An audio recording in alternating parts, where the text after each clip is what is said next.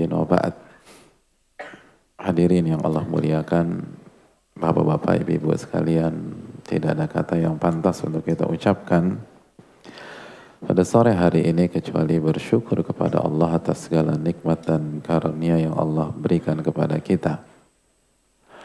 Sebagaimana salawat beriring salam, semoga senantiasa tercurahkan kepada junjungan kita, Nabi kita Muhammadin Sallallahu Alaihi Wasallam, beserta para keluarga, para sahabat dan orang-orang yang istiqomah berjalan di bawah naungan sunnah beliau sampai hari kiamat kelak.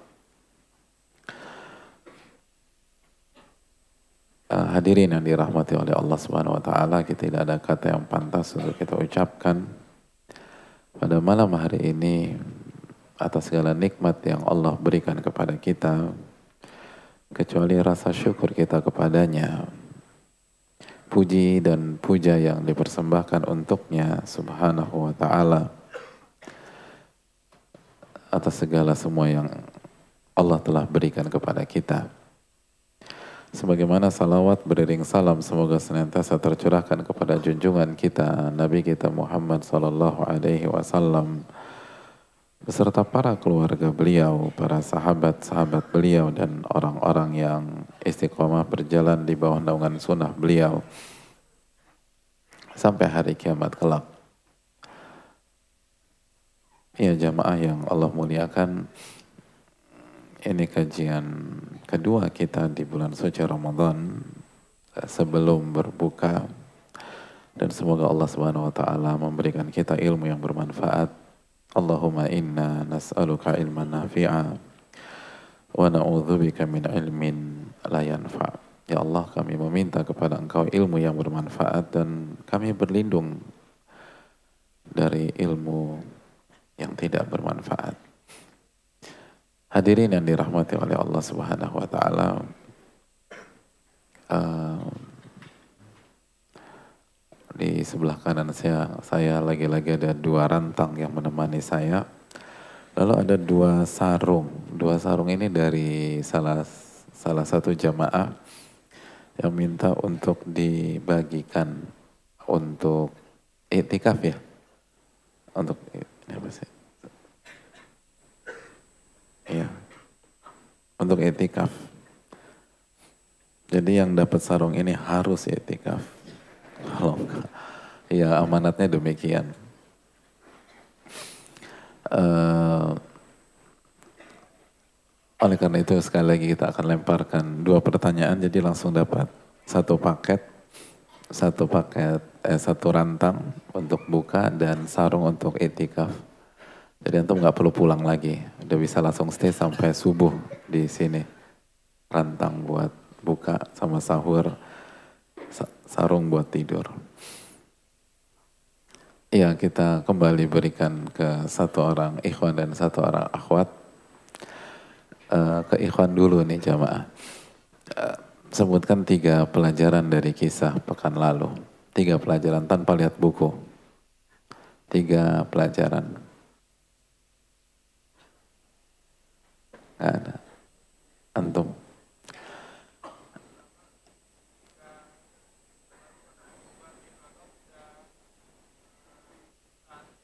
Antum jangan ceritain lagi. Sebutkan pelajaran yang yang paling menginspirasi antum lah.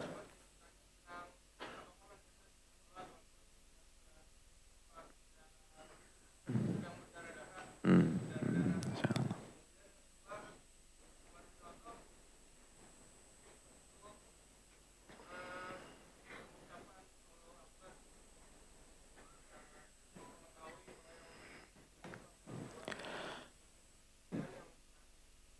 Jangan lihat bawah, lihat saya. Lihat saya. Aman kok, lihat saya aman. Antum nggak perlu godul basor.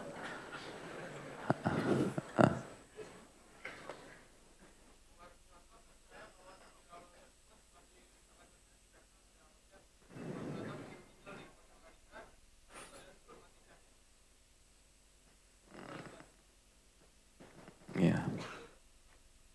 Betul nggak jemaah? Ya betul, jazakallah khair. Atau dapat rantang. Nggak usah, nggak usah, nggak usah serah terima gitu langsung aja kasih sama sarung. Ya akhwat yang belum lihat buku silahkan jawab. Yang belum lihat buku. Ada Ustaz. Kalau udah lihat buku berarti bohong. Kalau bohong berarti puasanya itu fatwa antum ya, bukan fatwa saya. Pahalanya bermasalah. Insya Allah nggak batal. Tapi sebagian ada yang mengatakan batal. Ya silakan Ahmad. Tiga pelajaran. Assalamualaikum warahmatullahi wabarakatuh. Uh, ini nggak lihat buku kan? Uh, enggak, saya nggak punya buku. Ya, kalau buku uh, teman? Jawabannya ngeles soalnya saya nggak punya buku.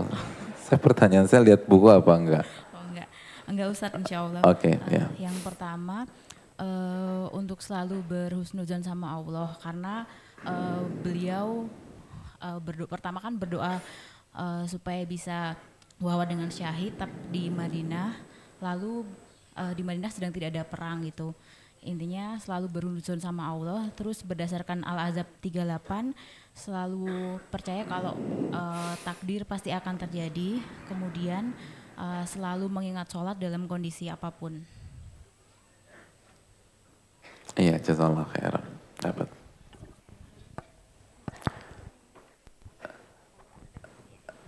Iya jamaah sekalian. As-sidqu Allah Jujur sama Allah itu penting. Dan itu yang kita tangkap dari kisah Yang lalu. Sesuatu yang Hampir mustahil sekalipun. Jika kita jujur dengan Allah Maka Allah akan wujudkan Apa yang kita inginkan. Syahid dan wafat di Madinah dua hal yang sangat sulit untuk digabungkan pada saat itu. Dan ingat Madinah tanah haram tidak boleh berperang di sana. Tapi terwujud di tangan Umar bin Khattab radhiyallahu taala. Lalu bagaimana beliau menjaga sholat? Bahkan untuk membangunkan beliau saja, passwordnya apa jamaah? Sholat, bayangkan. Hari ini untuk membuat kita semakin terlelap di jam setengah lima pagi, passwordnya apa? Sholat juga. Gitu. Begitu sholat, angkat selimut, lalu kembali membaca Bismillahirrahmanirrahim wa ahya. Nasallallahu dan bagaimana adab, bagaimana cara bicara beliau, bagaimana pengaturan diksi yang sangat indah, dan bagaimana ketawaduan beliau, bagaimana ketawaduan beliau dan beliau tidak tertipu dengan pujian makhluk, walaupun di detik-detik terakhir. Dan ini yang perlu kita camkan juga jemaah, jangan tertipu dengan pujian makhluk Para ulama mengatakan man arafan nas istarah. Barang siapa yang tahu karakter manusia, dia akan santai aja ngadepin manusia. Apa konteks dari kalimat di atas? Kata para ulama manusia itu kalau memuji mayoritas berlebih-lebihan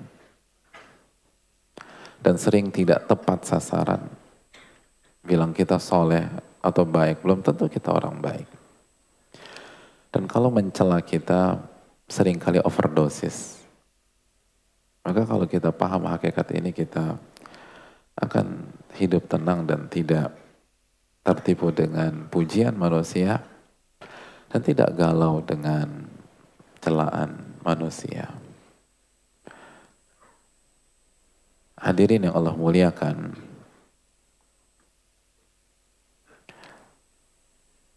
hari ke-20 jamaah. Hari ke-20. Dan tidak sampai dua jam ke depan malam-malam itu akan datang.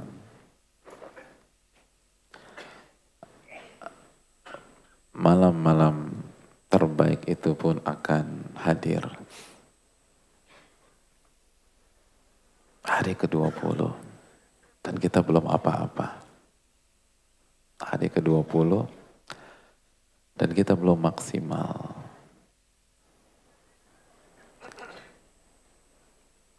Dan ia akan terus berlari, berlari dan berlari hadirin. Karena Allah berfirman, ayyamam ma'dudat. Ramadan hanyalah beberapa hari saja. Al-Baqarah ayat 184. Allah cepatkan Ramadan. Malam ke-20. Dan di hadapan kita ada malam-malam terbaik. Ada finalnya Ramadan. Ada prime time-nya Ramadan.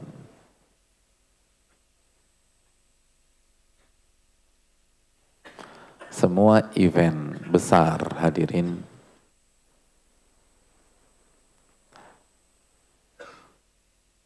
Semakin menjelang hari terakhir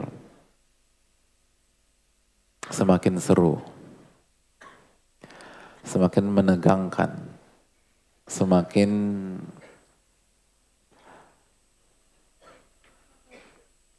membuat adrenalin kita naik dan semakin puncak, semakin puncak.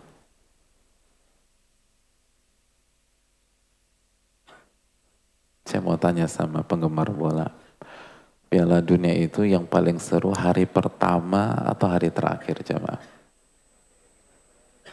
Masya Allah. Yang bilang cuma empat orang. Yang lain dari kecil udah jadi remaja masjid tentu. Tadi nggak ngerti bola sama sekali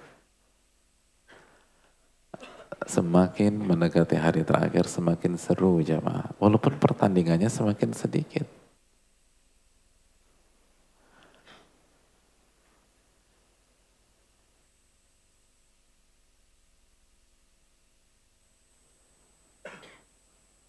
Ibu-ibu di belakang. Saya mau tanya.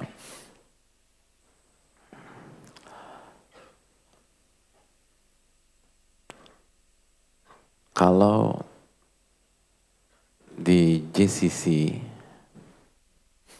ada Inakraf. Hari hari mana yang paling crowded dan padatnya luar biasa?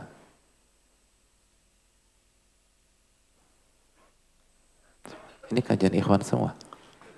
Ibu-ibu nggak ada sama sekali. Ibu-ibu nggak ngerti yang saya bicara. Ibu-ibu orang daerah semua nih. Nggak ada satu pun orang Jakarta.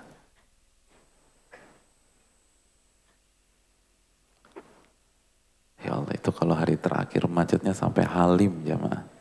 Sampai Halim tuh. Ustadz pengalaman, pengalaman, korban macetnya event tersebut. Pokoknya kalau udah hari terakhir jangan lewat daerah-daerah sana. Hadirin yang Allah muliakan, itu duniawi. Lalu bagaimana dengan ukhrawi yang bernama Ramadan? Ini adalah puncak dari seluruh perhelatan. Ini adalah detik-detik yang disikapi dengan spesial oleh Nabi kita Sallallahu Alaihi Wasallam. Dan berbicara 10 hari terakhir. Yang baru datang pojok kiri eh pojok kanan antum masih bisa. Jadi kalau nyari tempat tinggal ke pojok sana aja dan berbicara 10 hari terakhir. Maka kita tidak bisa pisahkan dengan sebuah malam. Yang Allah firmankan inna anzalnahu fi lailatil mubarakah qadar mubarakah dulu. Surat ad-dukhan Ayat berapa? Ayat 3. Sesungguhnya kami turunkan Al-Quran di malam yang penuh dengan berkah. Malam yang penuh dengan berkah. Dan kita semua tahu malam tersebut. Inna anzalnahu fi laylatil qadar. Dan kami turunkan Al-Quran di malam Lailatul Qadar.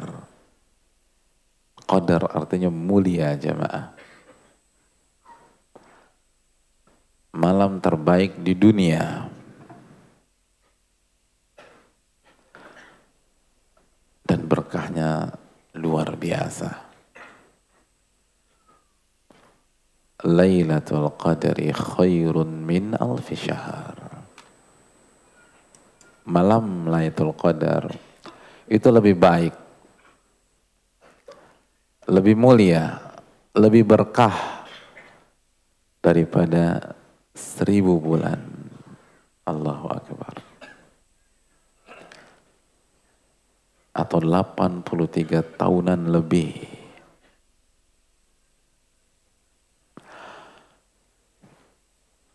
Hadirin yang Allah muliakan. Dan Nabi kita Shallallahu Alaihi Wasallam menyatakan taharrau lailatul qadar fil ashril awakhir min Ramadan. Carilah malam Lailatul Qadar di 10 malam terakhir di bulan suci Ramadan Lalu beliau juga sampaikan sallallahu alaihi wasallam taharrau lailatul qadar fil witri minal ashril awakhir min Ramadan. Carilah Lailatul Qadar di malam-malam ganjil dari 10 malam terakhir di bulan suci Ramadan. Malam itu ada di 10 malam di hadapan kita jemaah. Tidak heran jika sang Nabi Shallallahu Alaihi Wasallam menumpahkan seluruh kemampuan ibadah beliau di sepuluh malam ini dan menjadikan klimaks segala amal soleh beliau di sepuluh malam ini. Aisyah radhiyallahu taala anha menjelaskan dan menceritakan kepada kita dalam hadis riwayat Imam Muslim, kana yajtahidu fil ashril awakhir ma la yajtahidu fi ghairiha. Nabi Wasallam di sepuluh malam terakhir bersungguh-sungguh dalam ibadah dengan kesungguhan yang tidak pernah terlihat di waktu-waktu yang lain. Gak pernah kelihatan. Di waktu-waktu yang lain.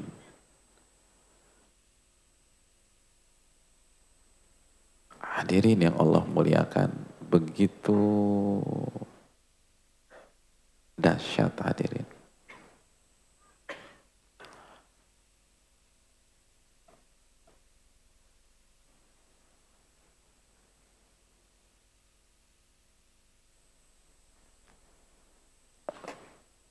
Gak ada kata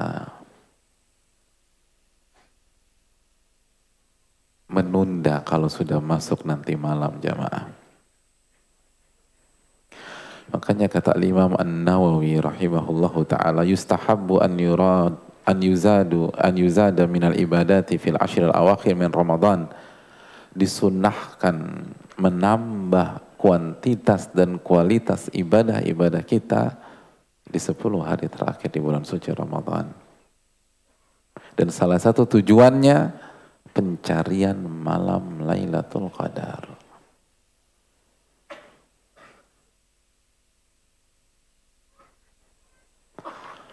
Hadirin yang Allah muliakan.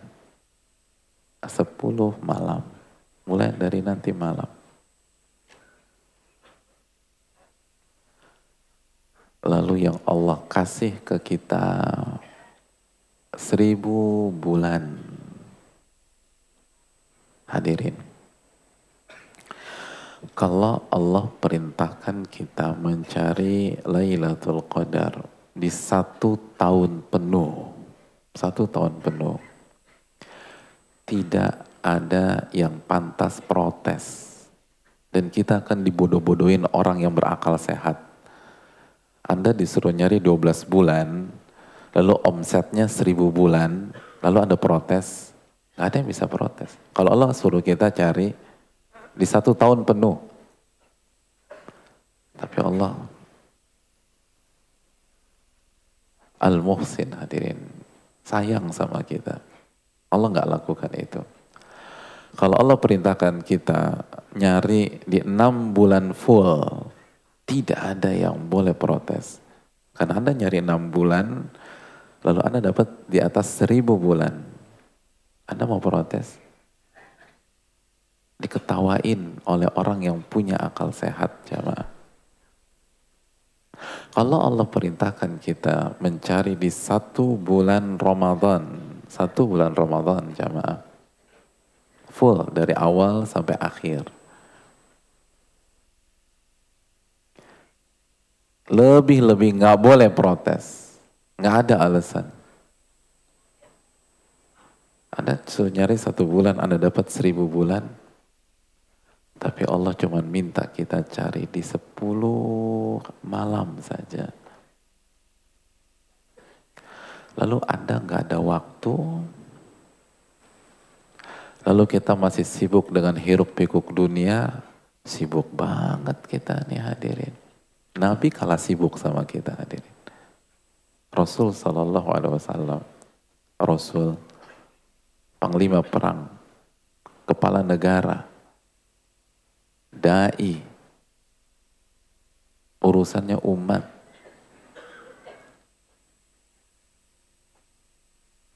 Memutuskan hubungan beliau dengan dunia sementara selama sepuluh hari terakhir. Ya Allah.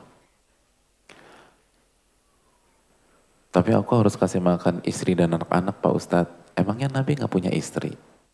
Istri antum berapa? Bandingkan dengan istri beliau. Ini masalah prioritas maaf. Ini masalah prioritas. Sepuluh hari. Lalu khairun min alfi syahr.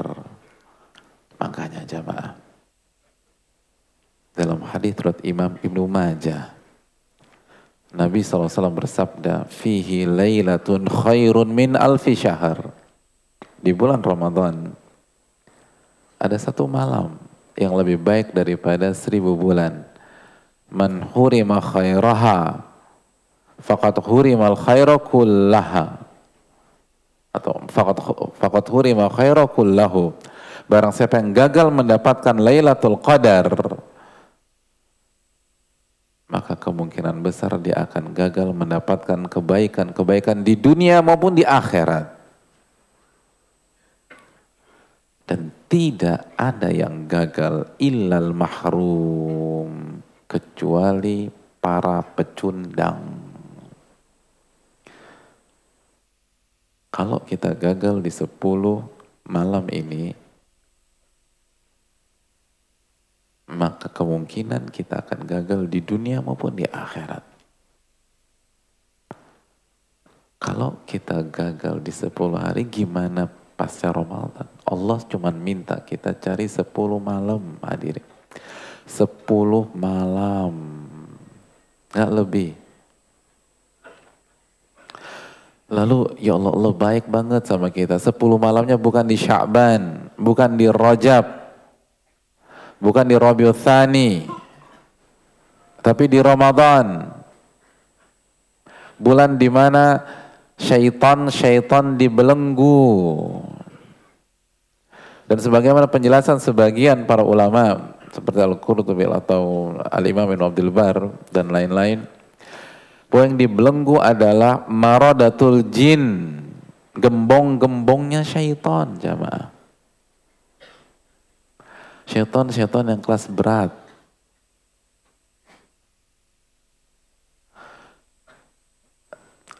Adapun yang kroco-kroco masih beredar. Artinya ketika kita gagal mendapatkan Lailatul Qadar di 10 malam ini kita kalah pada saat berhadapan dengan syaiton-syaiton kelas teri hadirin. Karena pada bulan ini yang kita hadapi itu tim bukan tim B-nya syaiton, itu mungkin tim G-nya syaiton. Ibarat antum lawan Barcelona, Messi-nya nggak main jamaah. Ini Messi, Suarez tuh nggak ada yang main tuh hadirin. Terus antum masih kalah 3-0 juga. Gimana kalau mereka main hadirin?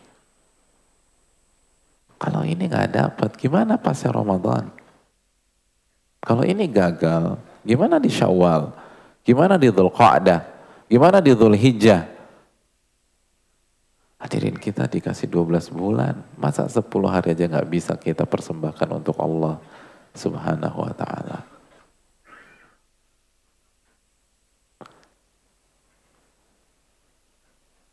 Jangan sampai jadi hamba dunia di 10 hari terakhir di Ramadan.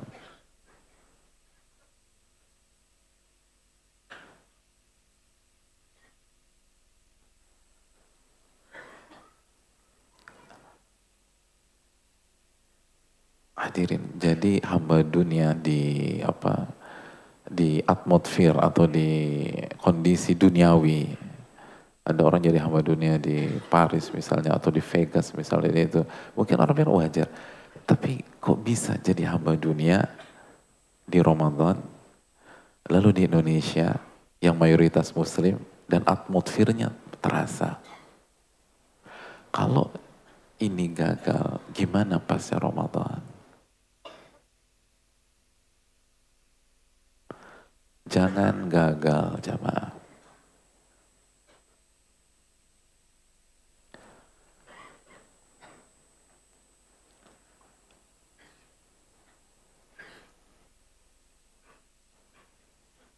Kalau harus terjatuh, jangan terjatuh di lap terakhir hadirin.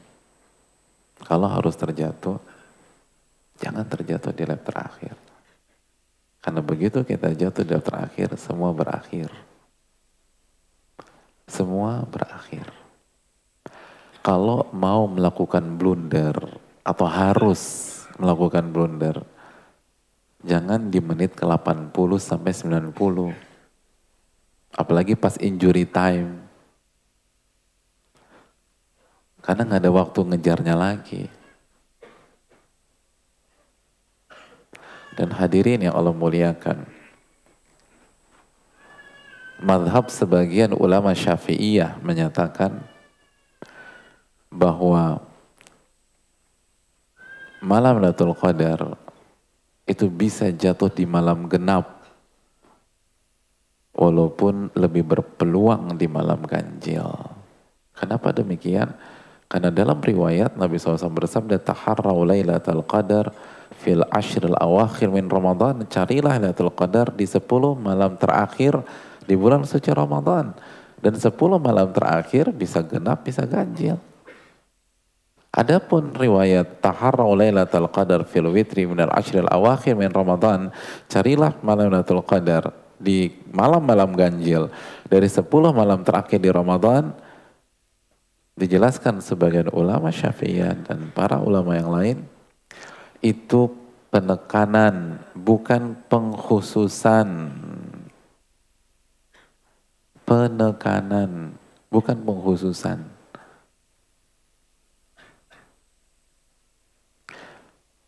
Karena yang satu umum, satu bagian dari umum tersebut itu penekanan. Sama seperti orang mengatakan selamat datang kepada hadirin dan hadirat yang saya muliakan. Dan selamat, lalu setelah itu selamat datang kepada Pak Komisaris. Apakah Pak Komisaris di luar hadirin dan hadirat? Enggak, kalau kalau di luar berarti dia di luar, nggak boleh masuk jamaah. Dia bagian dari hadirin. Tapi kenapa disebutkan penekanan? Bukan yang hadir cuman dia, yang hadir banyak, tapi dia ditekankan. Itu pandangan sebagian para ulama artinya jamaah. Udah deh nggak usah kita pusingin. Jadilah safety player di 10 malam ini. Mau ganjil, mau genap, sapu bersih jamaah. Insya Allah kita dapat. Insya Allah kita dapat. Dan kalau nggak salah itu madhab Ibnu Umar. Kalau nggak Ibnu Umar, Ibnu, Ibnu Mas'ud. Sapu bersih, Anda akan dapat. Dan gak usah ngeribetin pagi hari, pagi hari di 10 akhir ini. Atau bikin bikin rame grup cuman kayaknya tadi malam nih bro, tadi malam gitu. Mataharinya gak terik. Itu hari kedua satu. Begitu hari kedua tiga, semak, justru materinya hilang. Enggak, Tadi malam, tadi malam. Jadi tadi malam terus sudah. Semua tadi malam.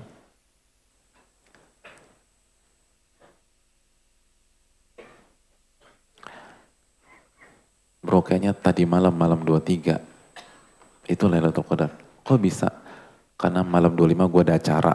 Ya apa hubungannya? Jadi maksa udah, ya Allah. Karena malam 25 dia ada urusan, nggak malam 23 nih, malam 23. Gue yakin. Subhanallah. Hadirin. Udah gak usah pikirin.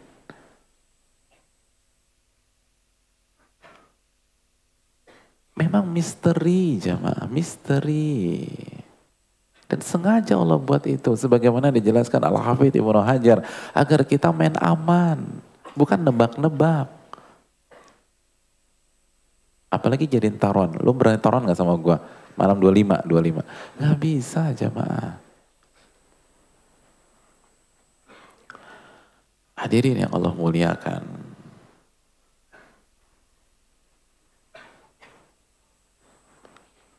Sapu bersih. Sapu bersih. Hanya 10 malam. Gak lebih dari itu. Kalau kita gagal, kualitas kita benar-benar rendah di sisi Allah Subhanahu wa taala. Tidak ada yang gagal kecuali pecundang Lalu apa yang harus kita lakukan demi mendapatkan Lailatul Qadar? Yang pertama jamaah sekalian,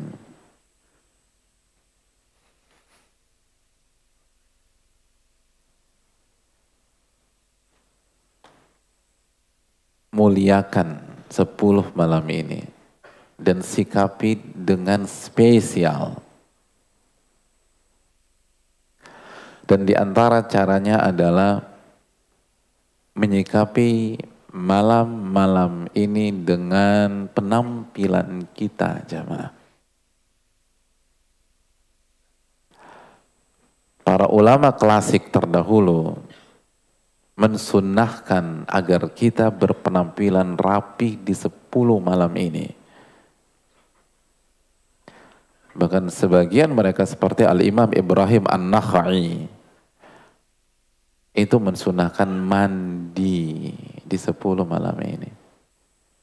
Dan itu juga dilakukan Ayub Asyikhtiyani. Itu juga pandangan Anas bin Malik.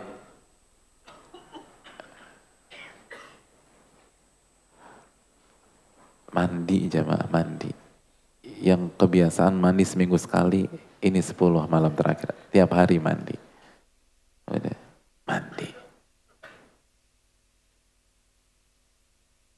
pakai parfum. Beli parfum antum, pakai nih. Lalu pakai baju terbaik antum.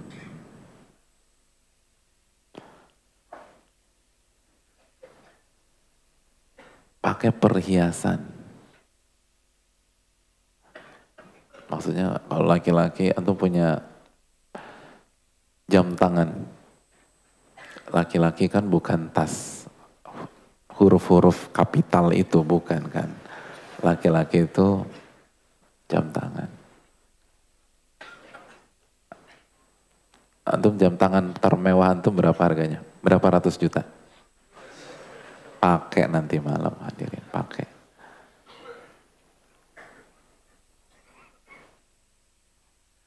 Itu yang dilakukan Anas bin Malik jamaah. Wala bisa hula, beliau pakai. Yang bisa beliau kenakan. Dan beliau pakai parfum. Nabi kan suka banget pakai parfum jamaah.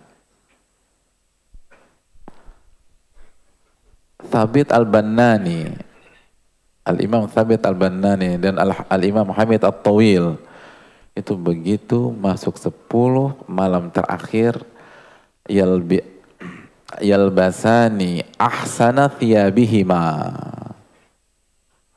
Mereka pakai baju terbagus mereka. Watatayyaban mereka pakai parfum Ingat pakai parfum. Beli parfum. Dan pakai minyak nyong-nyong. Minyak tawon. Minyak kayu putih. Walaupun mereka nggak bersalah jamaah. Tapi ini nggak cocok. Kecuali kalau antum di malam-malam ini masuk angin. Itu lain perkara. Antum pakai parfum yang bagus Ini mahal. Hadirin diganti sama Allah Subhanahu wa taala. Ini malam-malam spesial.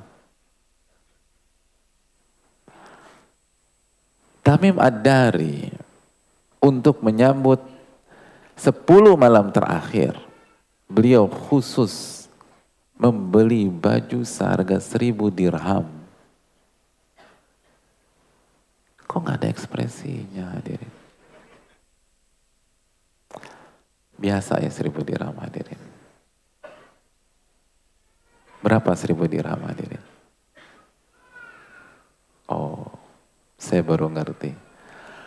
Antum tidak ada ekspresi karena nggak ngerti berapa angkanya. Bukan karena hal ini hal biasa. Seribu dirham itu di atas 60 juta.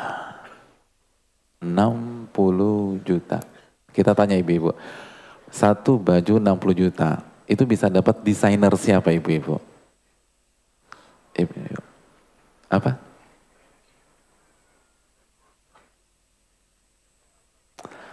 Alhamdulillah. Antum bersyukur punya istri di belakang. Nggak ngerti sama sekali masalah ini. Masya Allah. Pada zuhud-zuhud semua. 60 juta hadirin. 60 juta. Ya Allah.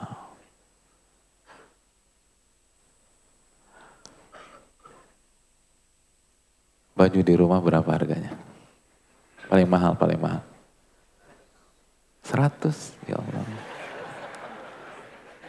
100 juta. Oh, Masya Allah. Pakai nanti malam. Pakai. 60 juta jamaah. 60 juta. Atau pakai batik-batik yang mahal-mahal tuh pakai hari ini.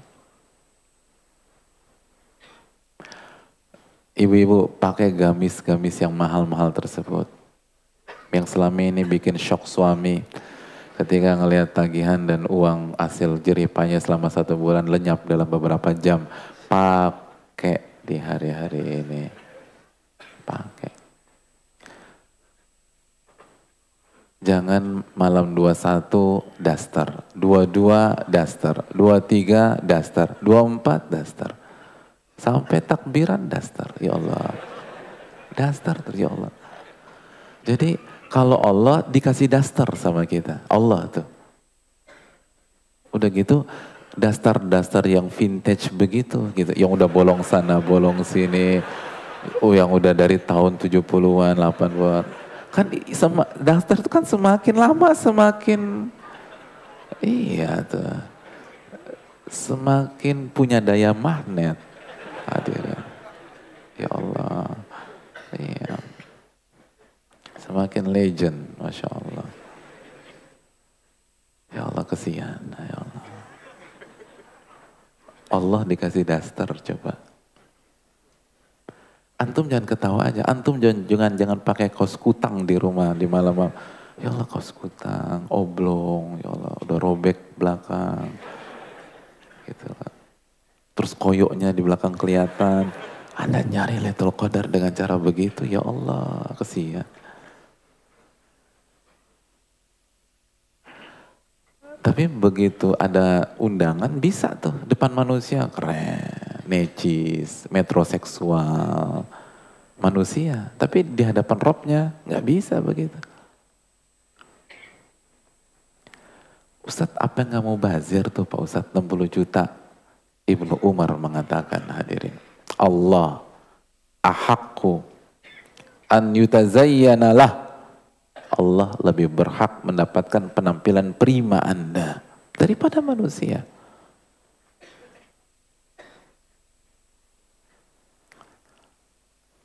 Ini kita selama ini kebiasaan tampil keren depan manusia, tampil cantik depan manusia, tampil tampan depan manusia. Kapan depan Allahnya hadirin?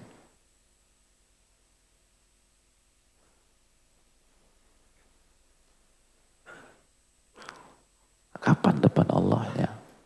Pakai. Baik yang itikaf atau yang enggak itikaf. Jadi yang itikaf tuh, yang dibawa tuh, itu baju-baju yang mahal-mahalnya, itu hadirin. Hilang nanti Pak Ustadz, gitu katanya. Jemurnya bareng terus hilang satu, dua. Ya Allah kesian. Ya laundry lah.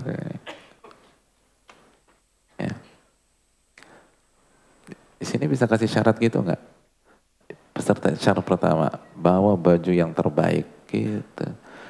Jadi itikaf tuh, jadi nggak uh, apa suasananya tuh nggak nggak beda tipis daripada suasana misalnya di Balai Sudirman, Balai Kartini, Balai Samudra. Jangan masjid kayak Balai Rakyat. Gimana tuh? Apa adanya tanpa mengurangi rasa hormat kita kepada balai-balai rakyat. Tapi kan jelas beda pemandangannya. Itu para sahabat. Ibnu Abbas itu, Ibnu Abbas kalau ngisi kajian itu bajunya jutaan rupiah. Ibnu Abbas. Bajunya jutaan rupiah. Kok mereka hidup mewah? Enggak, mereka pakai itu untuk ibadah, bukan untuk makhluk. Kan yang kasih duit Allah subhanahu wa ta'ala. Harus tampil keren hadirin. Ya, kalau ya, kalau kita nggak bisa memuliakan dengan penampilan, ini kan paling sederhana sebenarnya. Ah, Simpel aja. Lebih berat mana bagi antum? Sepuluh malam ini antum pakai baju termahal antum atau satu malam taraweh baca Al-Baqarah lebih susah mana? Itu kan. Ya kalau cuma pakai baju Anda nggak bisa, ya gimana taraweh baca Al-Baqarah? Lebih nggak bisa lagi. Cuma pakai aja. Hadirin, takzim itu penting. Takzim itu pondasi. Makanya kata Al-Imam Nuji mengatakan, tidaklah kesuksesan orang-orang sukses itu kecuali diawali oleh ta'zim, memuliakan. Kalau sudah tidak ada pemuliaan, agak berat kita sukses di bidang itu. Atau melihat di dunia paski beraka itu, gimana mereka memperlakukan bendera merah putih. Oh beda diri karantina berbulan-bulan hanya untuk naikin. Itu kan pengakuan. Semua bidang punya itu jamaah. Kalau kita sudah tidak ada pengagungan, nggak bisa kita bicara banyak di bidang itu. Kalau nggak mengagungkan aja, nah enggak. Pakai parfum aja hitung-hitungan sama Allah. wangi hadirin di malam-malam ini tuh harus keren. Dan itu praktek para ulama kita dulu, itu kunci sukses mereka jamaah. Makanya saya sebutkan Ibrahim An-Nakhai, Ayub As-Sikhtiyani, Thabit Al-Bannani, Malik bin Anas, Ayub As-Sikhtiyani. Tamim Ad-Dari, Hamid At-Tawil, nama-nama besar.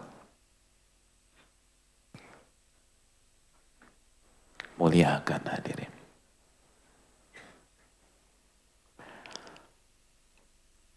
Agungkan malam-malam ini. Allah lebih berhak mendapatkan penampilan prima kita daripada makhluk. Selama ini kita tampil rapi untuk makhluk. Malam-malam ini momentumnya tampil keren untuk Rabbul Alamin. Bisa insya Allah ya. Dan pulang nanti. Kan kita udah kalau yang itikaf-itikaf yang pulang ke rumah, jangan tidur lagi, kita begadang, langsung pulang mandi gitu loh. Lalu antum-antum pakai batik gitu di rumah gitu. Ibu-ibu pakai gamis yang keren gitu hadirin. Oh, ya. oh keren hadirin. Itu 10 malam terakhir.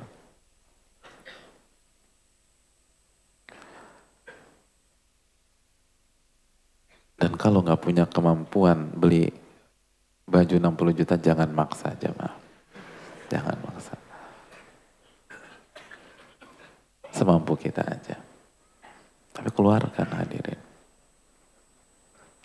Yang kedua jemaah. Agar kita mendapatkan Natul Qadar pada tahun ini.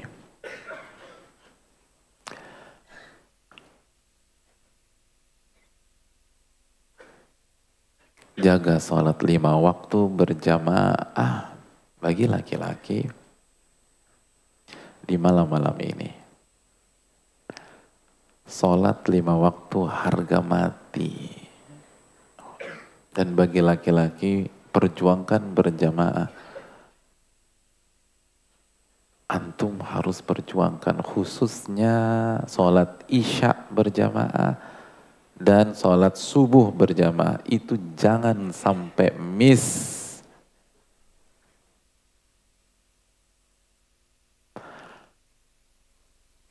Al-Imam Ar-Ramli. Madhab apa Al-Imam Ar-Ramli hadirin? Hmm? Madhab apa? Asy-Syafi'i. Dalam kitabnya Nihayatul Muhtaj, beliau menyampaikan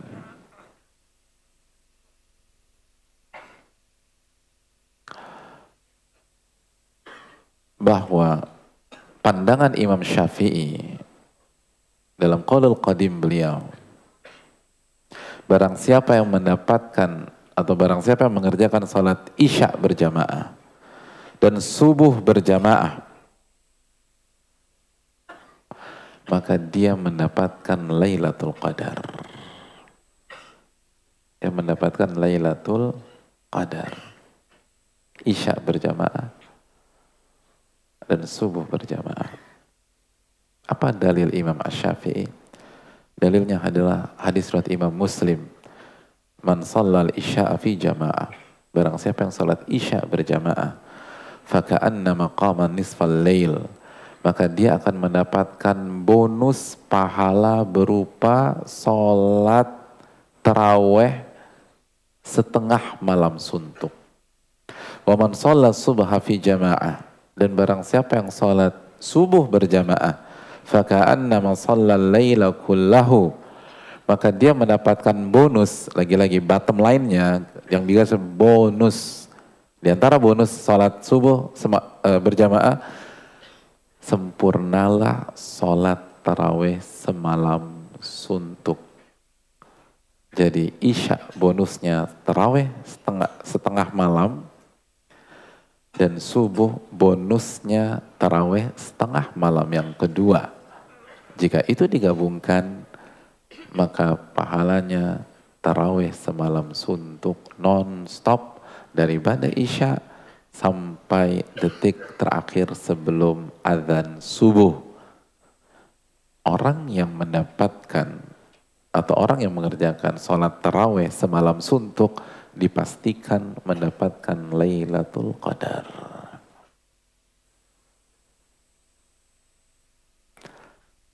dan beberapa diksi dalam Nihayatul Muhtaj itu asal artinya itu batas minimum lah untuk dapat Lailatul Qadar.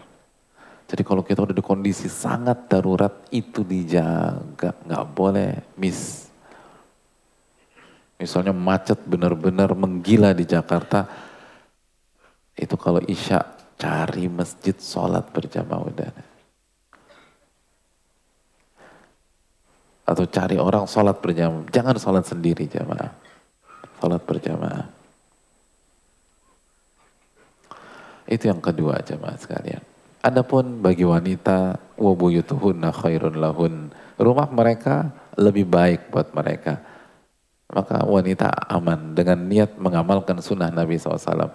Baik mereka berjamaah di rumah atau mereka harus sholat sendiri di rumah karena nggak ada teman misalnya, maka dia mereka akan dapatkan pahala yang serupa insya Allah Ta'ala. Lalu berikutnya jamaah, 10 malam ini. 10 malam ini. Pastikan kita sholat taraweh dan tahajud.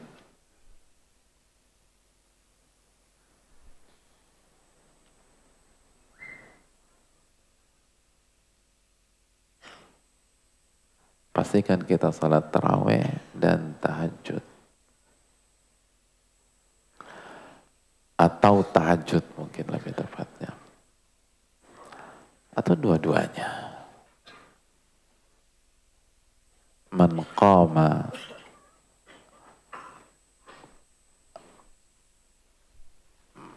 Man qama ma'al imami hatta yansarifa kutiba lahu qiyamu lailah dalam hadis Tirmidzi. Barang siapa yang salat tarawih bersama imam sampai selesai maka dia akan mendapatkan pahala salat semalam suntuk. Salat semalam suntuk.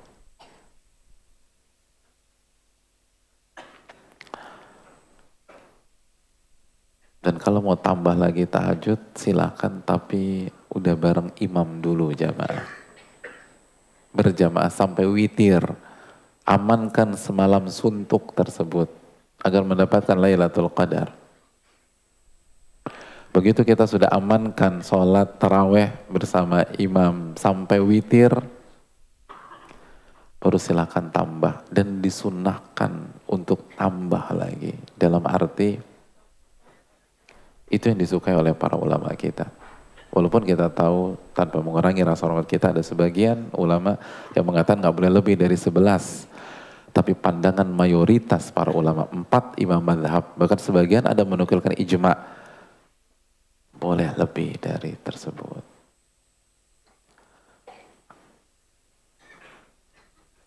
Dan khususnya kalau kita sholat bersama imam yang uh, bacaannya pendek karena melihat kondisi makmum. Panjangkan lagi kita sendiri jamaah. Hadirin yang Allah muliakan.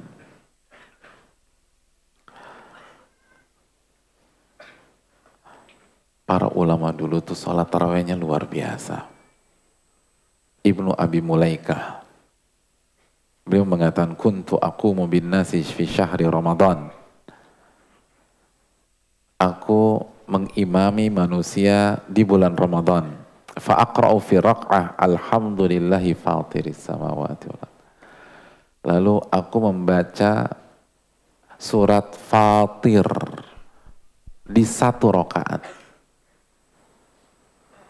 Surat Fatir itu Berapa ayat hadirin? 46 ayat. Berapa halaman? Itu lima setengah halaman.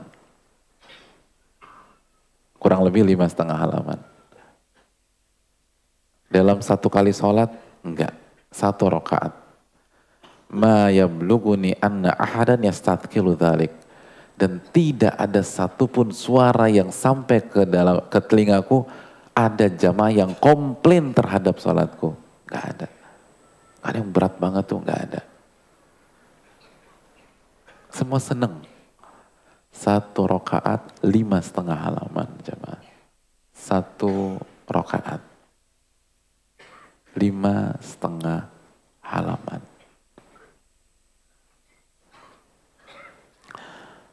Hadirin yang Allah muliakan. Abdurrahman bin Hurmuz. Beliau mengatakan, Kanal qurra'u yakumuna bi suratil Baqarah fi thamani raka'at. Waktu itu, imam-imam taraweh membaca Al-Baqarah di delapan rakaat selesai. Delapan rakaat Al-Baqarah selesai. Berapa juz berarti? Dua setengah juz kurang lebih atau dua juz lebih. Satu eh, delapan rakaat. Hadirin.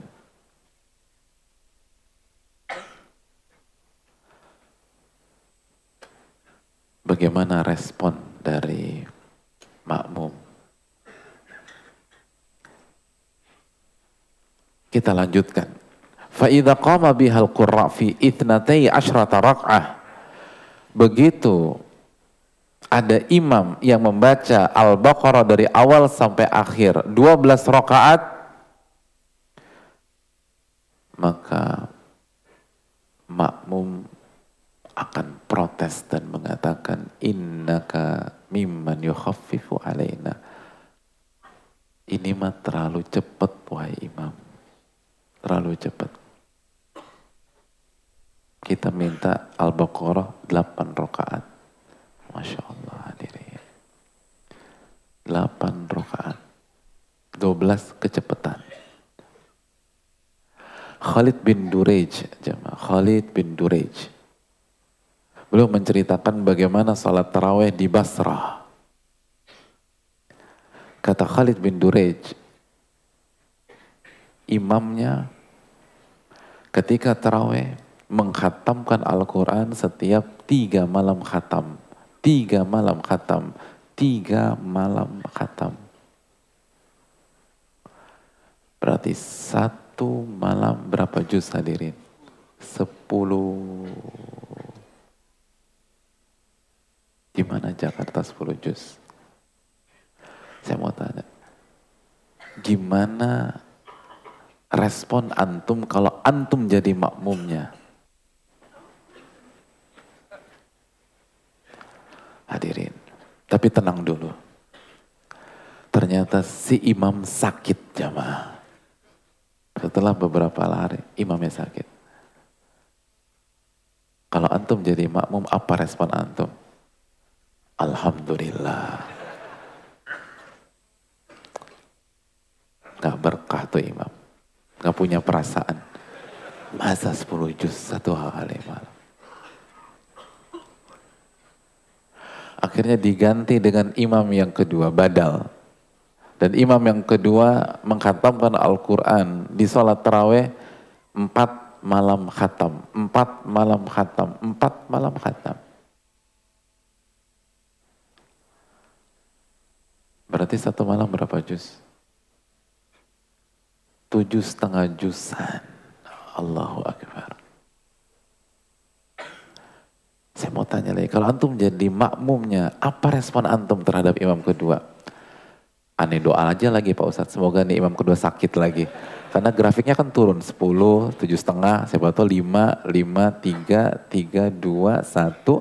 Alhamdulillah balik ke kulhu sama kuliah udah. Senang deh kita. Ya Allah. Hadirin, kata Khalid bin Durej, makmumnya protes. Innaka mimman yukhaffifu alaina apa-apaan nih taraweh? Cuman baca tujuh setengah juz. Kita minta balik lagi sepuluh juz ke imam yang pertama. Ini mah bukan taraweh hadirin. Ya Allah tujuh setengah juz hadirin. Allahu Akbar. Tujuh setengah juz. Ya Allah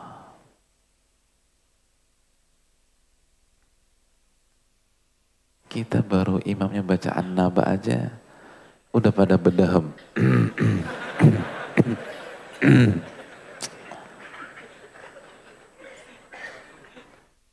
Padahal sebelum takbiratul ihram masih pada baik-baik semua tuh hadirin.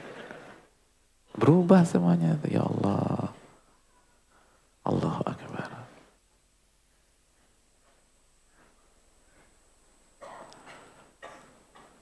Seneng mereka hadir. Seneng. Kenapa demikian? Karena mereka tahu dalil. Hadirin.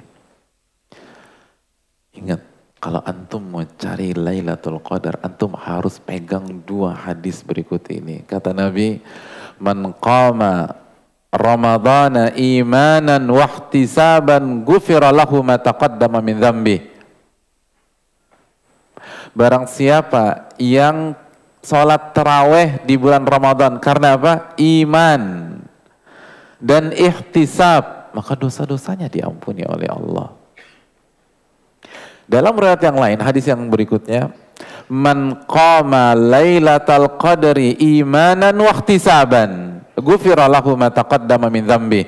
Barang siapa yang menghidupkan malam Lailatul Qadar karena iman dan ihtisab, dosa-dosanya akan diampuni oleh Allah Subhanahu wa taala.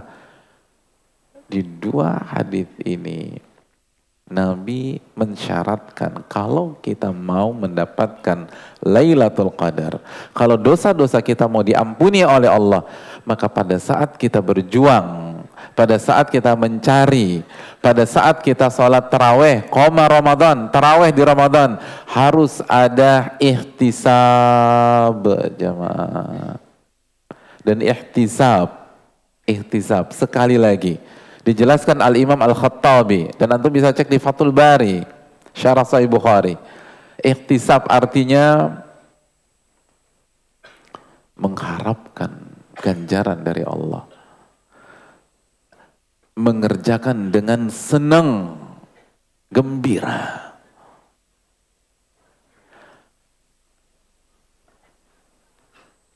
Dan tidak merasa berat dan lama. Itu ihtisab. Tidak ada rasa berat dan lama, senang. Mereka kenapa menikmati? Karena mereka tahu hadisnya. Syaratnya kita harus senang nih. Ya Allah. Jadi jamaah sekalian. Apabila ada di antara kita pada saat sholat taraweh di 10 malam terakhir masuk ke sebuah masjid. Lalu begitu imamnya waladhalin amin. Terus imamnya baca alif lam mim dzalikal kitabu la raiba fi. Terus terus saya bilang tamat riwayat gue nih. Gue salah masuk masjid kalau sampai kalimat itu yang diucapkan gak dapat Lailatul Qadar hadirin. Gue salah nih imamnya Al-Baqarah. Padahal tuh imam di ayat ketujuh ruku juga hadirin. Ya Allah, gak ada imam sampai selesai gak ada di sini. Jadi kalau udah merasa, ya Allah imamnya lama banget.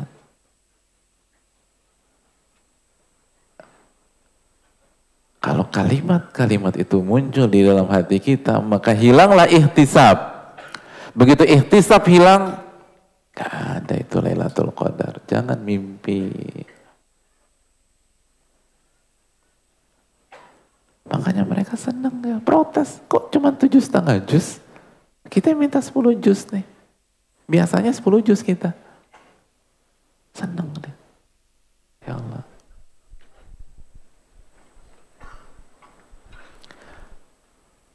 Jadi harus seneng jamaah, harus seneng. Masuk salat masuk jadi makmum imamnya alif lam mim Allahu la ilaha illa huwal hayyul qayyum. Surat apa tuh? Ali Imran. Jadi alhamdulillah Ali Imran. Alhamdulillah bagus, panjang nih. Gitu seneng ya. Alhamdulillah. Jadi panjang nih malam ini. Insya Allah dapat al Qadar. Jadi seneng, dapat Ali Imran tuh seneng. Bukan tamat hidup gua. Ya Allah. Habis gua nih. Ali Imran lagi. Kesel. Padahal si Dudung udah ngajak sholat di masjid sebelah. Itu lebih terkontrol. Gitu loh. Itu kalau udah mikir begitu nggak dapat hadirin. Ikhtisab, seneng, seneng dia. Seneng hadirin. Itu ikhtisab. Kalau enggak bukan ihtisab jamaah sekalian. Hadirin Saib bin Zaid mengatakan dulu itu imam terawih bacanya panjang banget. Hatta kuna na'tamid alal asa. Sampai kita kalau terawih itu bawa tongkat. Bawa tongkat.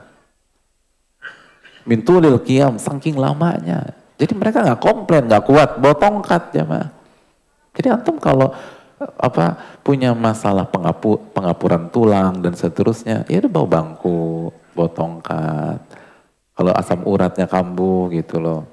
Karena bukanya nggak karu-karuan, bawa tongkat. Bukan komplainin tuh imam, tongkat. Udah bertumbuh deh mereka di situ. Wakanu yang sorifuna illa indal fajar. Dan mereka baru bubar witir sebelum masuk waktu fajar. Dari pada isya sampai jam 4 sampai jam 4.15. Itu hadirin yang Allah muliakan. Bahkan Ibnu Mas'ud itu kalau jadi imam salat taraweh, apa kata Alqamah bin Qais, kata Alqamah bin Qais, bubarannya, bubaran tarawehnya Abdullah bin Mas'ud illa kama baina adzanil maghrib ilan insiraf minha. bukan bubarannya mohon maaf, masuk witirnya itu seperti adzan maghrib sampai salam sholat maghrib. Nah itu. Jadi kalau jarak eh, jika waktu kita menuju adzan subuh sudah sampai dengan antara adzan maghrib sampai sholat maghrib selesai, baru Abdullah bin Mas'ud witir. Kalau enggak enggak witir witir dan enggak ada yang protes. Ikhtisab hadirin. Ikhtisab. Makanya kan tentang masalah salat taraweh. Apa riwayat dalam hadis Abdullah eh, hadis Abu Dawud? Qama Rasulullah SAW bi ashabihi marra ila thuluthul lail. Nabi SAW pernah mengimami salat taraweh sampai sepertiga malam. Sepertiga malam berarti berapa? Hmm, kalau di sekarang nih, mak jam 6 sampai jam uh, setengah lima gitu ya. Bagi tiga berapa jadi? Sepertiga malam jam berapa? 6. Nah, berarti sepertiga berapa? Bagi sepertiga aja tuh. Ah? Tiga jam setengah. Ah? Sampai jam berapa? Satu, ya Allah. Yang enggak lah mas, bukan jam satu. Jam sepuluh, jam sebelas gitu ya. Jam sepuluh, jam sebelas. Terus setelah apa setelah sepertiga Nabi jadi imam Pernah juga setengah malam. Kan Nabi kan pernah memimpin sholat, terawih. Jadi sampai setengah malam, sampai jam 12, sampai jam 1. Itu begitu selesai setengah malam, para sahabat nggak e, melihat Nabi nggak melanjutkan sampai mau subuh, itu mereka kan request. Loh nafaltana bibaqiyati laylatina hadhihi kata mereka. Ya Rasulullah, kenapa tanggung banget sih setengah malam? Kenapa nggak sampai subuh aja? Request hadirin, sahabat tuh minta. Ya sayang nih ya Rasul, gitu loh. Ya Allah. Anda bayangin gak sih salat taraweh, Nurul Iman, sampai jam 11 belum selesai. Gitu loh. Kira-kira antum bertahan sampai jam berapa? Subhanallah. Ini request.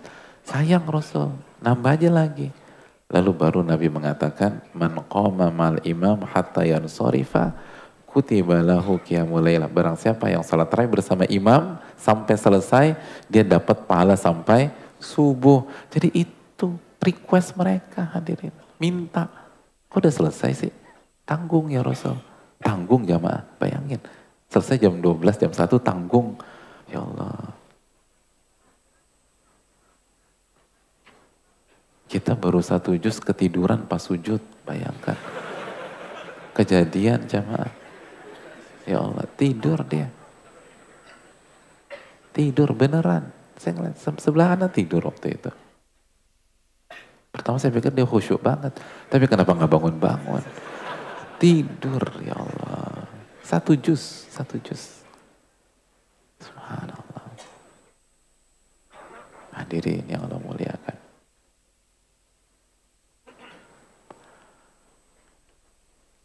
Lalu yang berikutnya, baca Al-Quranul Karim jamaah.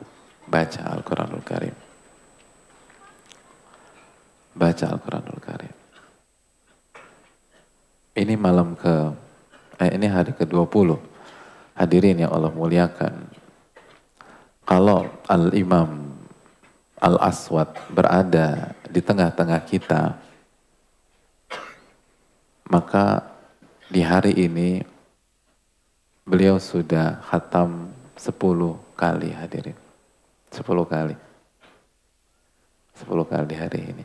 Al-Imam Al-Aswad. Bagaimana dengan kita? Udah berapa juz kita?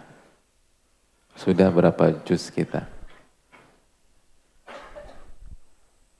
Minimum kita udah 20 juz harusnya. Minimum. Sore ini kita sudah 20 juz. Imam Abu Hanifah, kalau beliau berada bersama kita, itu hari ini udah 40 hadirin. Gimana 40 Pak Ustadz? Juz kan cuma 30. Dia offside tuh Pak Ustadz. Bukan 40 juz, 40 kali khatam. Al-Imam Abu Hanifah. Hari ini kalau bersama kita, 40 kali khatam. Subhanallah. Tambah jamaah. Al-Imam Qatada itu di Ramadan tiga hari khatam. Tiga hari khatam. Tiga hari khatam. Begitu masuk sepuluh hari terakhir, sehari khatam. Sehari khatam. Sehari khatam. Hadirin. Sepuluh hari terakhir harus ditambah. Dan kalau kita udah mentok, maka pegang hadis Nabi SAW berikut ini. Nabi mengatakan, SAW, Man qara'a mi'ata ayah fi laylah kutiba lahu kunutu laylah. Barang siapa yang membaca Al-Quran. Sebanyak 100 ayat. Di sebuah malam, maka dia akan mendapatkan bonus pahala sholat taraweh semalam suntuk. 100 ayat. Di malam. Malam maghrib sampai subuh. Jadi minimum di 10 malam terakhir ini kita baca 100 ayat minimum. Syukur-syukur bisa kayak Imam Qatada. Semalam khatam, semalam khatam, semalam khatam. Ya Allah. Jadi satu malam berapa hadirin? Seratus. Seratus. Dan kalau bisa lanjutkan bacaan kita. Dan gak usah diakal-akalin. Pokoknya anaba, anaziat, abasa, udah gitu-gitu aja udah tiap malam. Ya dapat sih 100, tapi masa anak tambahin dong bacaannya. 100 lah. Jadi bayangkan ya, kalau tiap malam kita sholat isya dan subuh berjamaah. Lalu taraweh berjamaah. Lalu baca Quran minimum 100 ayat semalam. Maka semalam suntuk. Semalam suntuk, semalam suntuk. Berarti satu malam, kalau malam ini kita lakukan itu malam 21, berarti kita mendapatkan pahala tiga malam suntuk. Itu udah suntuk banget jamaah. Iya benar deh, deh. udah suntuk tuh. Tiga malam.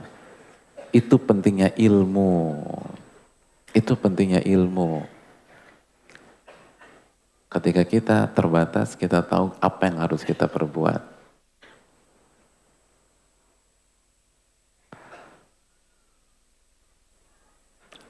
Poin yang berikutnya jamaah yang Allah muliakan.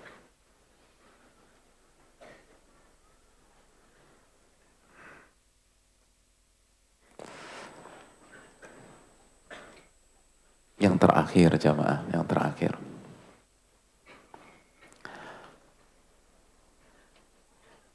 Malam-malam ini adalah malam-malam munajat kepada Allah. Malam-malam minta kepada Allah. Khususnya minta ampunan jamaah.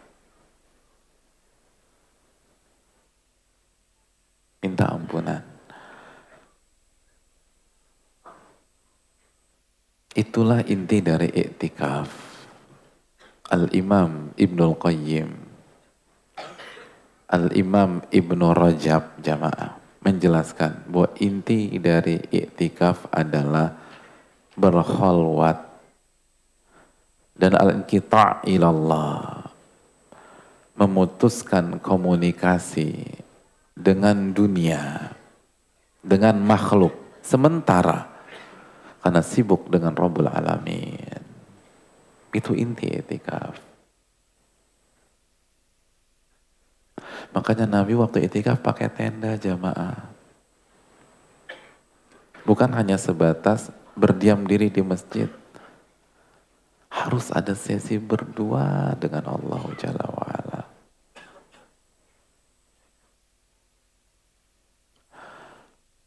harus ada sesi cerita lah sama Allah.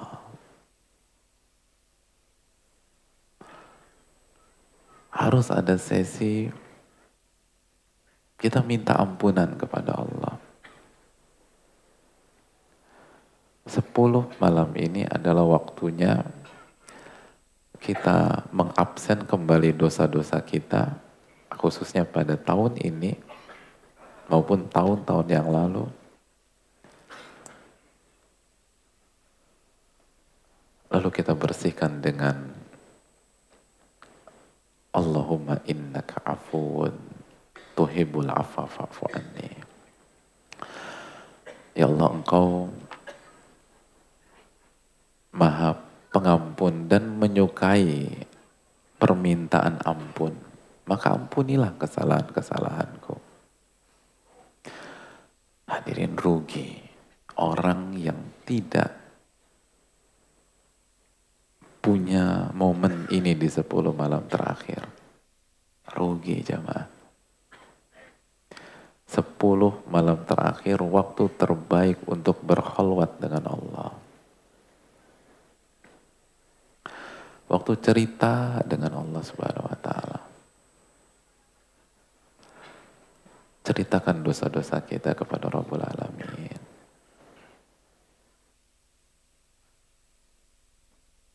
Baik yang dulu jamaah, waktu kita nggak sholat, mungkin ada di antara kita yang dulu berzina, lalu mengkhianati istri atau suaminya dan anak-anak. Mereka nggak tahu, tapi kan Allah tahu jamaah. Malam-malam ini waktunya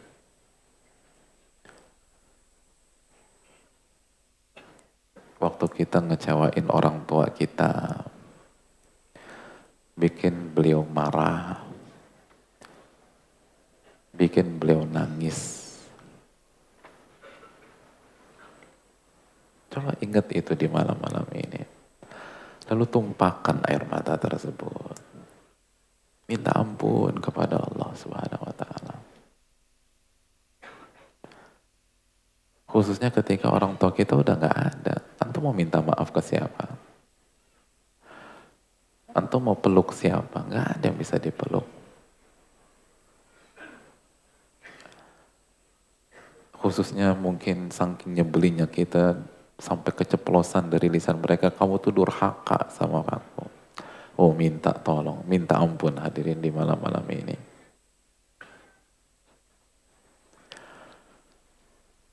Atau skandal-skandal kita yang nggak ada orang yang tahu. Hanya kita dengan Rabbul Alamin. Ini saatnya munajat. Dan rasakan kenikmatannya. Kata Malik bin Dinar, ma taladzadal mutaladzidun bimithli munajatillahi azza wa Tidak ada kenikmatan yang lebih nikmat daripada berdua-dua dengan Allah. Hadirin, iman kita dipertaruhkan. Karena hanya orang-orang yang jatuh cinta dengan Allah yang betah bersama Allah subhanahu wa ta'ala. Makanya para ulama klasik mengatakan tuba liman yastauhishu bin nasi wa birrahmani.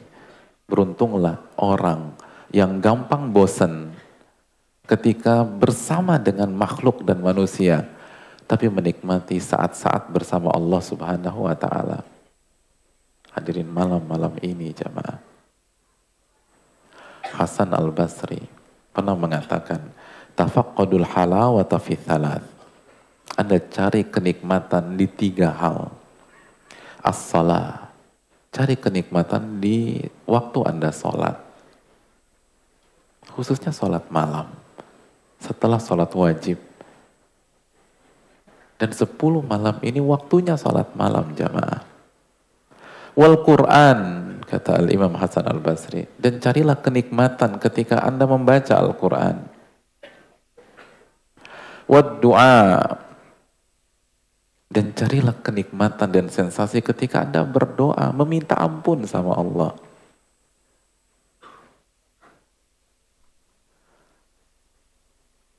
Fa in wajadtumuha dan kalau Anda merasakan sensasi itu,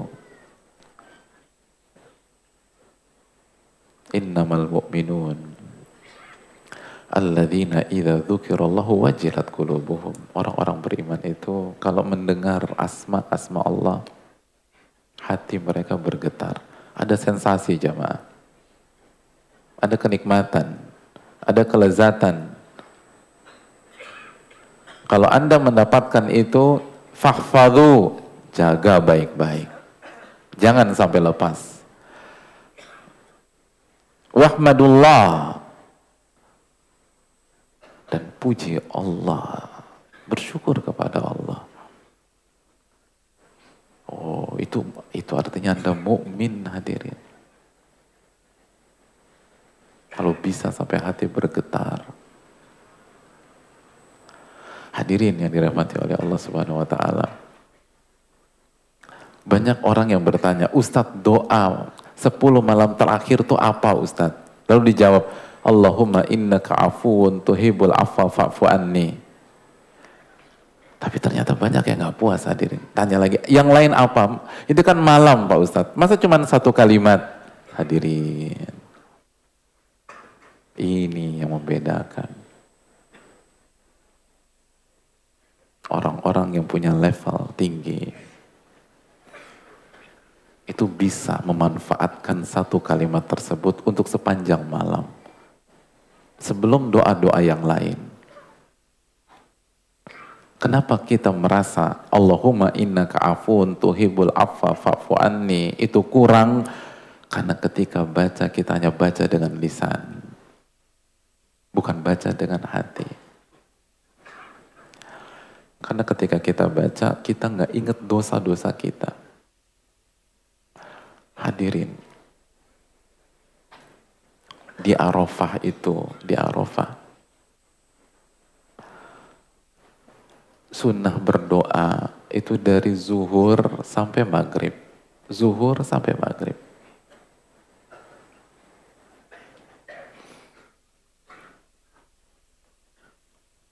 Dari buku-buku klasik sampai yang saya lihat dengan kedua mata saya, saya sendiri.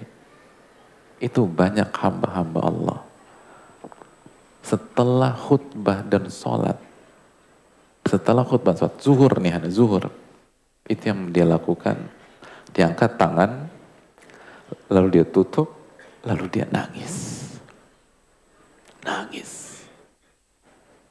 Dari zuhur sampai maghrib tidak ada satupun kalimat yang bisa dia ucapkan. Hanya nangis. Dan mengucapkan kalimat ampun ya Allah, ampun ya Allah, ampun. Terus terisak-isak. Hanya kata-kata ampun. Dan itu bisa dari zuhur sampai maghrib. Karena dia minta ampun dari hati jamaah. Ketika dia mau mohon ampun, dia ingat dosanya, dosa kesyirikannya. Dosa dia bentak orang tuanya. Gimana kita nggak nangis?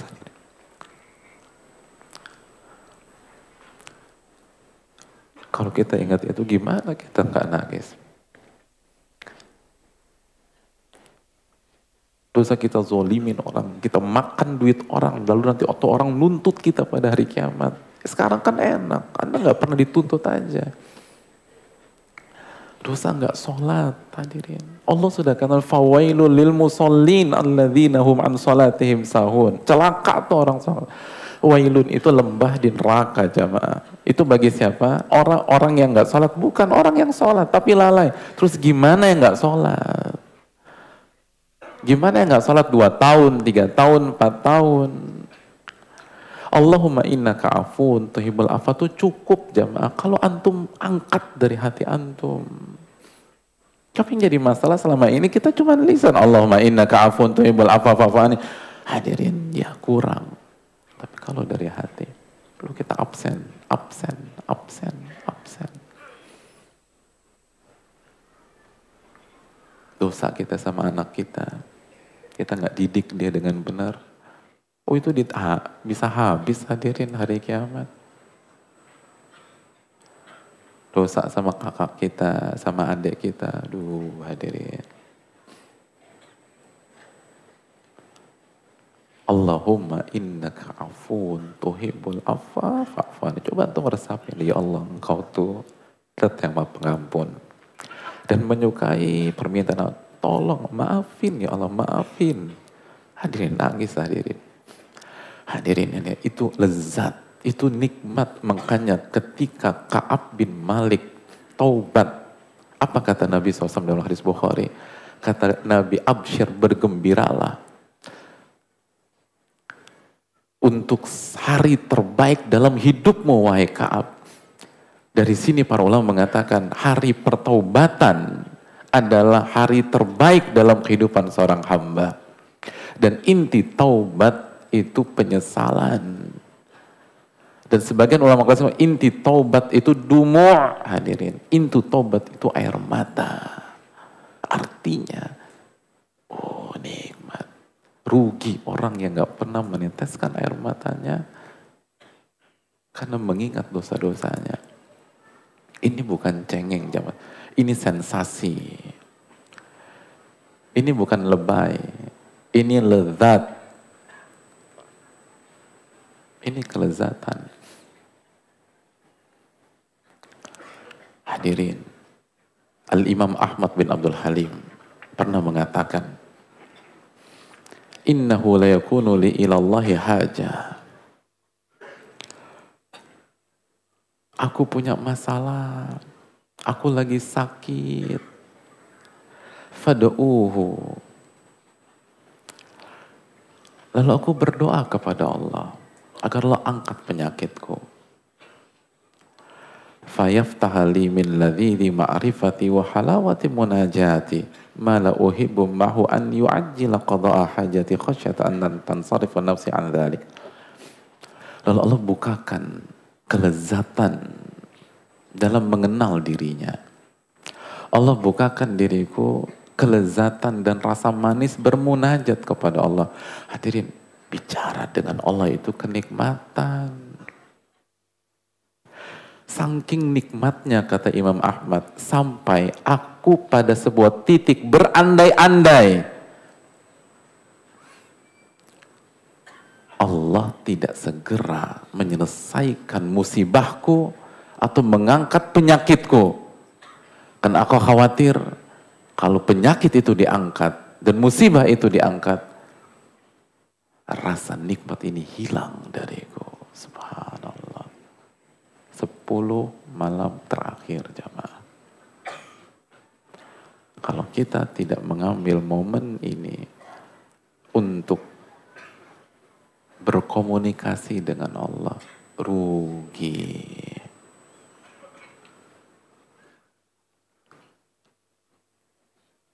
Cari spot yang kosong di masjid. Cari ruangan kosong di rumah kita di 10 malam ini, lalu mulai cerita, cerita kepada Rabbul Alamin. Hadirin, kita pasti nyam, kita nyaman ketika berbicara dengan sahabat-sahabat terbaik kita. Pertanyaan saya simpel, memangnya Allah kalah baik ya sama sahabat kita? Sehingga kita kurang percaya bahwa ceritakan semua masalah itu membuat kita tenang. Hadirin, sama manusia, terkadang kita nggak butuh solusi dari dia. Kita hanya butuh pendengar ibu saya itu itu beberapa sering ditelepon waktu dulu sama seseorang uh, seseorang ibu itu kalau uniknya kalau si ibu ini nelpon ibu saya ibu bisa sambil ngerjain macam-macam terus saya tanya siapa bu Terus ibu akan bilang, Tanta. Gitu. Begitu beliau sebutkan namanya, saya langsung paham. Oh, lagi nangis. Saya nanya, lagi nangis. Terus kata ibu saya, iya lagi nangis. Gitu Jadi ternyata Bu Fulana ini nelfon ibu saya cuma buat nangis aja. 10 menit, 15 menit, Selesai nangisnya jamaah. Nangisnya selesai. Lalu ibu saya tanya, apa yang bisa saya bantu mbak? Kata beliau, si ibu ini, gak ada. Terima kasih mau dengar tangisan saya. Saya udah plong sekarang. Hadirin, kenapa kita gak pernah nangis sama Rabbul Alamin? Emangnya Allah kalah ya sama manusia? Emangnya Allah nggak bisa buat kita tenang ya? Al-alimul khabir jamaah. Yang maha mengetahui semuanya. Al-Muhsin Ar-Rahman Ar-Rahim. Ala kulli syai'in qadir. Yang mampu merubah seluruh dinamika dan masalah yang kompleks yang ada di hadapan kita. Kenapa kita nggak pernah nangis di hadapan Allah? Sekeras itu ke hati kita jamaah. Kata Nabi menangislah. Kalau Anda tetap nggak bisa paksa diri Anda menangis dan rugi. Dan Nabi katakan ada dua mata yang tidak akan dibakar pada hari kiamat. Yang pertama, mata yang begadang menjaga perbatasan. Dan yang kedua, mata yang menangis pada saat di dunia karena takut akan adab Allah Subhanahu wa taala. Sepuluh malam terakhir menangislah, cerita, curhat dan minta solusi kepada Rabbul Alamin. Dan kalau sampai malam ke-28, 29, 30 Anda nggak bisa menangis, malam terakhir itu tangisi betapa bekunya hati kita, kita nggak bisa nangis kalau di malam-malam paling berkah Anda nggak bisa nangis, gimana di malam-malam lain? Hadirin, yang terakhir, catat baik-baik ucapan Al-Imam Ibnu Qayyim dalam kitab Al-Fawaid. Al-ladzatu, kenikmatan, ala qadri, itu tergantung al-himmah tergantung betapa besarnya ambisi kita, betapa besarnya perjuangan kita, dan betapa besarnya pengorbanan kita. Kenikmatan itu tergantung betapa besarnya ambisi, perjuangan, dan pengorbanan. Hadirin, banyak para ulama klasik dulu itu begitu sholat idul fitri mereka nangis hadirin tapi kenapa kita nggak pernah nangis di hari raya Idul Fitri? Kenapa kita nggak pernah nangis ketika sholat id? Karena beda perjuangan. Karena kita nggak berjuang di 10 malam terakhir. Karena kita anggap ini hari-hari biasa saja. Sedangkan mereka dua hari khatam, dua hari khatam, dua hari khatam. Satu hari khatam, satu hari khatam, satu hari khatam. Kita nggak nangis di hadapan Allah. Mereka nangis di hadapan Allah. Beda. Kalau kita ingin mendapatkan sensasi, berjuanglah. Untuk malam ini, esok, sampai 10 malam ke depan. Semoga Allah memberikan kita husnul khatimah. Dan semoga Allah Subhanahu wa taala mengabulkan doa-doa kita. Dan hadirin, ingat selalu doa malaikat Jibril. Rogima anforojulin, celaka seseorang masuk di bulan Ramadan, lalu Ramadan berakhir dan dosa-dosanya belum diampuni oleh Allah. Waktu kita hanya tinggal 10 hari lagi. Maksimalkan. Dan semoga Allah mengampuni dosa yang berbicara dan dosa yang mendengar dan kita semua dan seluruh umat Islam di mana pun mereka berada dan semoga Allah memberikan kita kesempatan untuk mendapatkan Lailatul Qadar dan husnul khatimah di bulan suci Ramadan. Wassalamualaikum warahmatullahi Muhammad. Sudah tidak ada waktu sesi tanya jawab. Subhanakallahumma ilaha illa anta astaghfiruka wa atubu ilaik. Assalamualaikum warahmatullahi wabarakatuh.